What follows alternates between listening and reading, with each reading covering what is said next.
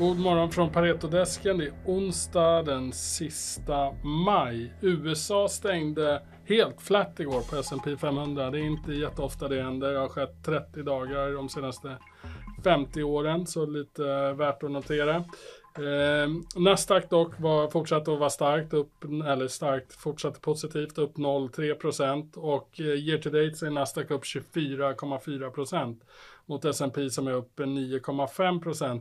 Vad vi vill eh, understryka här lite grann är eh, anledningen till att börsen har varit hållit uppe så pass väl under, under de första fem månaderna eh, är ju drivet utav en väldigt stark utveckling i ett fåtal bolag, vilket är de ledande techbolagen. Och då är det ju framförallt bolag som Nvidia eh, som har, har gått starkt year to date som är upp 175 procent, Meta, gamla Facebook, är upp 118 procent, Tesla 63, Amazon 45, Google 40, Microsoft 38 och Apple också 38 procent. De här bolagen står tillsammans för ungefär 30 procent utav S&P's totala värde nu då efter den här starka utvecklingen och det, det de förklarar över mellan 80-90 procent av uppgången i marknaden är hänförlig till styrkan i de här bolagen. Så det är ju en eh, ovanlig lack vad säger man, brist på bredd i uppgången. Om man tittar lite bredare eh, så kan man se på Russell 3000 som är det breda indexet i USA som inkluderar både S&P 500, de 500 största bolagen, men även Russell 2000 som är small och mid cap index. Och slår man ihop dem så får man får, täcker man ungefär 98 procent av det som brukar beskrivas som den investerbara delen av den amerikanska aktiemarknaden. Och eh, sett till antal bolag så är mer än hälften av Russell 3000 eh, handlas under och sina oktoberlägsta nivåer. Alltså när marknaden bottnade i oktober förra året så är hälften utav bolagen i den amerikanska aktiemarknaden handlar under den nivån.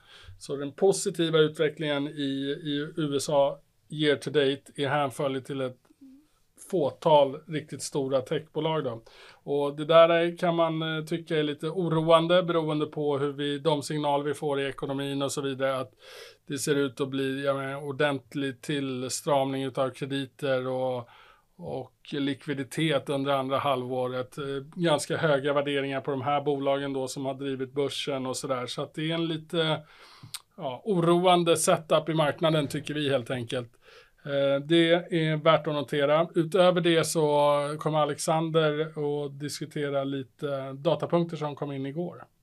Ja, precis. Vi pratade om eh, eh, Konjunkturinstitutets konjunkturbarometer nu på morgonen här. Och eh, om vi fokuserar speciellt på skogsbolagen, eller ja, pappers och massabolagen egentligen, så kan vi konstatera att orderingången fortsätter att överraska neråt. Eh, alltså det här gäller ju maj, så vet du, vi har kommit två månader in i Q2 och eh, indikatorerna på orderingången är fortsatt, de pekar fortsatt neråt och är på egentligen rekordlåga nivåer.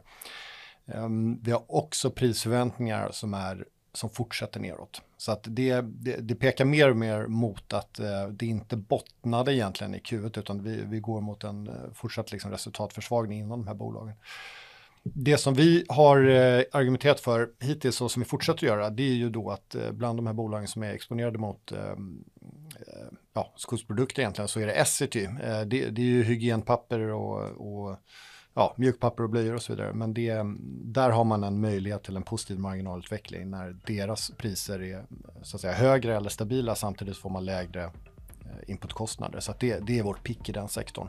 Medan de andra bolagen som är exponerade mot förpackningar eh, och säljer massa på marknaden, där, där kommer man se svagare leveranser och svagare priser framöver. Så det, vi ser inte riktigt någon botten i den cykeln än, utan det har fortsatt försvagas in i maj. Så att, eh, det är väl om det egentligen. Med det får vi väl eh, tacka för oss och önska en fortsatt trevlig onsdag.